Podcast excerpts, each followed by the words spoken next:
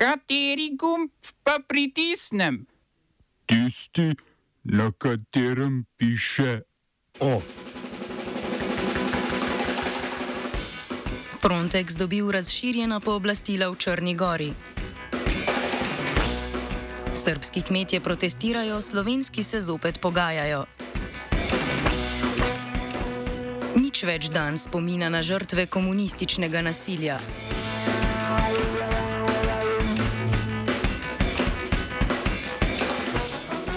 Črnogorski notranji minister Filip Anžič je z Evropsko komisarko za notranje zadeve Ilvo Johansson in švedskim ministrom za pravosodje Gunnarjem Stromerjem podpisal nov statusni sporazum o delovanju Evropske agencije za mejno in obaljno stražo na ozemlju Črne Gore. Agencija, znana kot Frontex, je v Črni Gori doslej že delovala.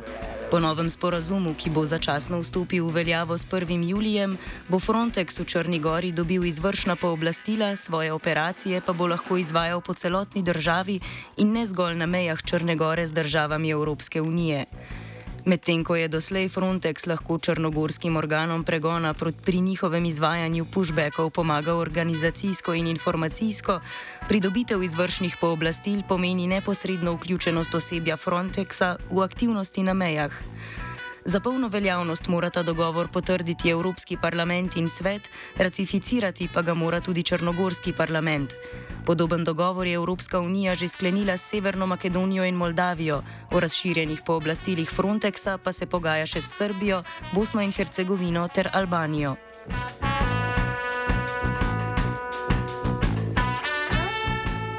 Mačarska ni odobrila izplačila naslednjega obroka vojaške podpore Ukrajini v okviru Evropske mirovne pomoči oziroma EPF.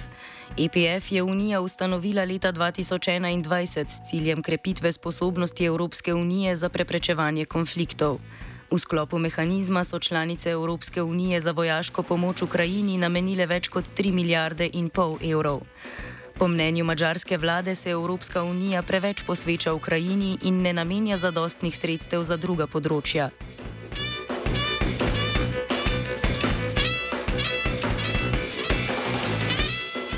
Član spodnjega doma parlamenta Zvezdne države New York Zoran Mamdani je, pre, Mamdani je predstavil predlog zakona, ki bi generalnemu državnemu toživcu dal pooblastila za nadzor dobrodelnega financiranja izraelskih okuta, okupatorskih naselij na Zahodnem bregu. Po besedah Mamdanija v New Yorku registrirane dobrodelne organizacije kot del donacij, za katere so oproščene davka, izraelskim nasiljenskim organizacijam letno pošljajo okrog 60 milijonov evrov. Izraelska naselja na Zahodnem bregu kršijo mednarodno pravo, zidajo jih na krajih, kjer razlastijo palestinsko prebivalstvo. Po zakonu, ki ima malo možnosti za sprejetje v državnem parlamentu, bi lahko palestinci, oškodovani zaradi iz New Yorka financiranih naselbin, ameriške organizacije tožili na ameriških sodiščih.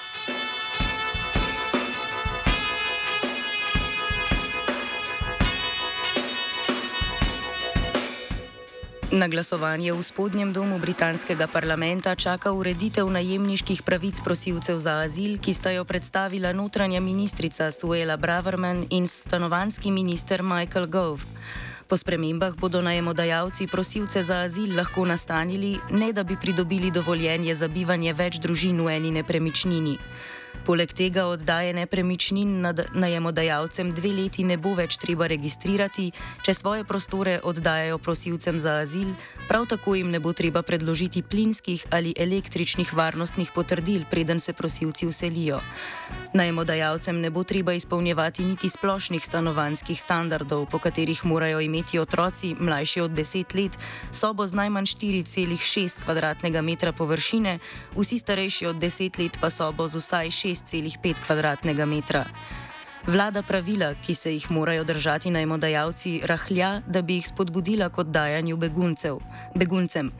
Zaradi zaostankov v sistemu obravnavanja prošen za azil je namreč več kot 50 tisoč prosilcev nastanjenih v hotelih, kar državo stane približno 7 milijonov evrov dnevno, iz česar Braverman ustvarja politično gonjo. Prosilci za azil živijo v slabih pogojih, zaradi česar v bivališčih pogosto prihaja do izbruhov nalezljivih bolezni, kot je davica. Sklenili so jih namestiti tudi na baraže ali druge objekte na vodi. Deregulacija pravil za najemodajalce prihaja sočasno z novim zakonom o najemniških razmerjih, ki ga je pripravilo Ministrstvo Gova. Po zakonu najemodajalec sicer najemnika ne bo več smel vreči na cesto brez razloga, a bo dobil več pooblastil za evikcijo na podlagi tako imenovanega protidružbenega vedenja.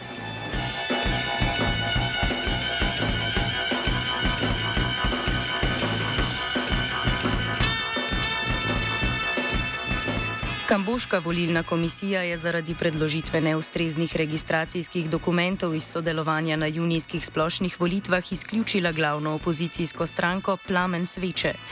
Stranka je predstavljala glavno nasprotnico vodilni kongresni ljudski stranki, znani tudi kot CPP. Premijer Hun Sen ustraja, da bodo volitve pravične, saj bo na volitvah sodelovalo še deset drugih strank, ki pa nimajo realnih možnosti za zmago.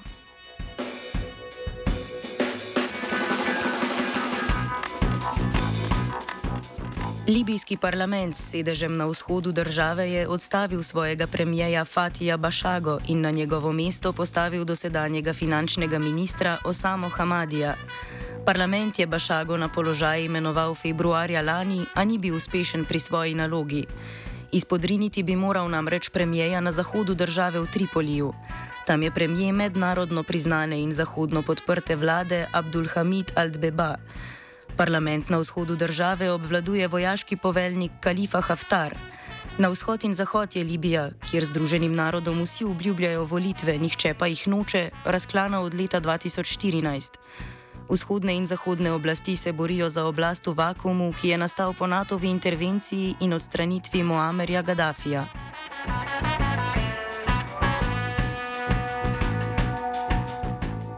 Uradniki Moldavskega nacionalnega protikorupcijskega centra, znanega kot CNA, so preiskali pisarne Centralne volilne komisije v Gagauziji. Zbrali so sezname voljivcev za volitve novega guvernerja v avtonomni južni regiji, čež da so na njih tudi imena tuje živečih in pokojnih ljudi. V glavnem mestu regije Comrad se je zbralo več članov in simpatizerjev stranke Ilana Šora, katere kandidatka Eugenija Gutul je zmagala na volitvah za guvernerja Gagauzije, da bi protestirali proti obtožbam o volilnih prevarah.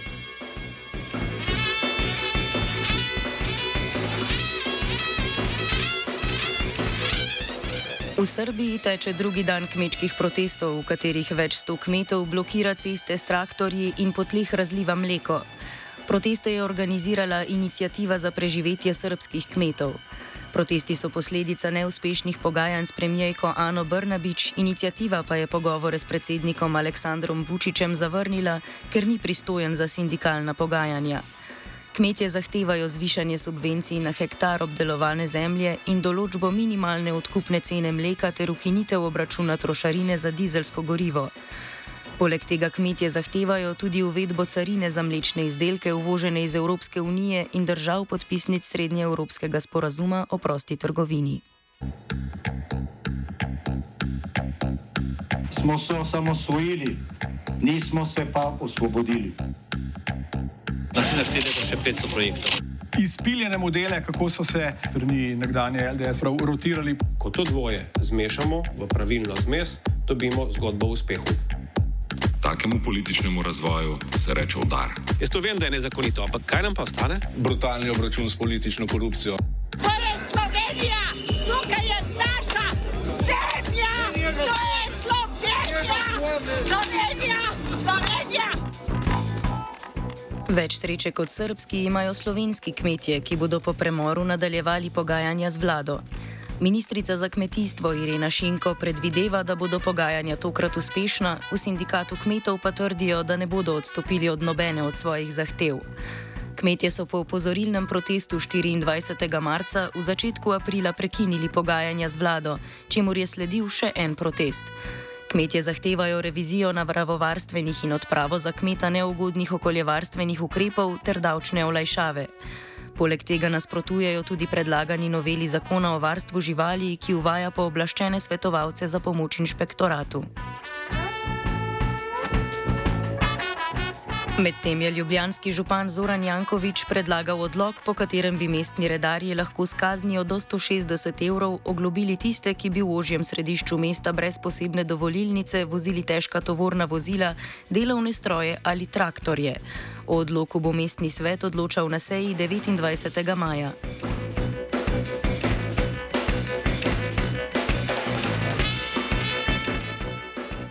Vlada je razveljavila sklep o razglasitvi nacionalnega dneva spomina na žrtve komunističnega nasilja, ki bi ga po ideji desnice praznovali danes. Nacionalni dan je tik pred iztekom mandata 12. maja lani uveljavila vlada Janeza Janše. Golobova vlada pa sklep razveljavlja, saj je bil sprejet brez javne in strokovne razprave.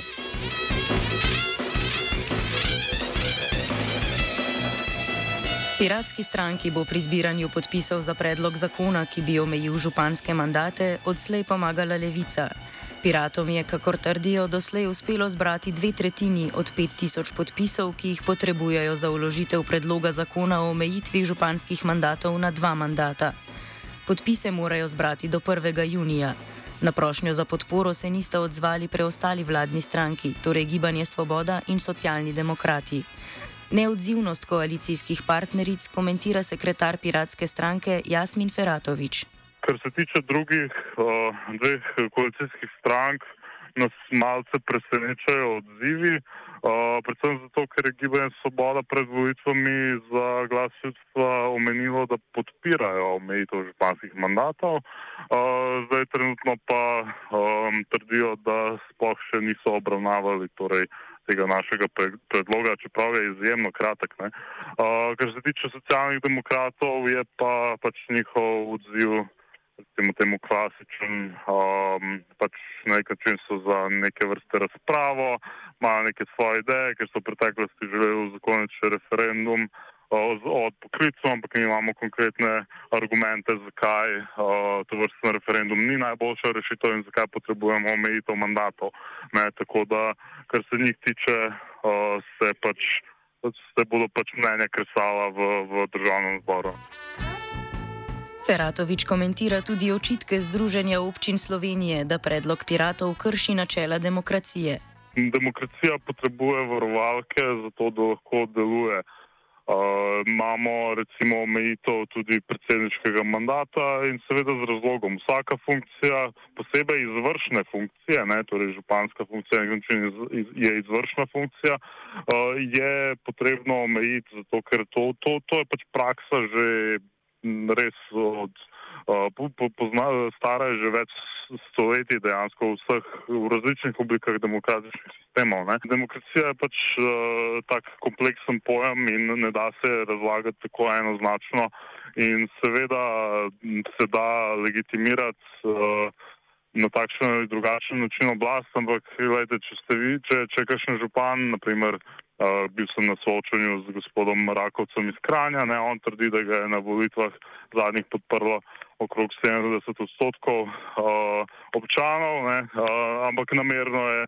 uporabil izraz občanov, kot da so šli vsi voliti, ne, ampak na volitev se pa udeležilo samo nekaj malo več kot 20 odstotkov. Ne, torej ne podpira ga celotna občina, ampak tak demokratični sistem imamo, ki spodbuja nizko volilno udeležbo um, in pač potem posledično se lahko vsak kliče za um, nekega um, misijo demokracije, ki ga zdaj pač čisto vsak podpira. Ne.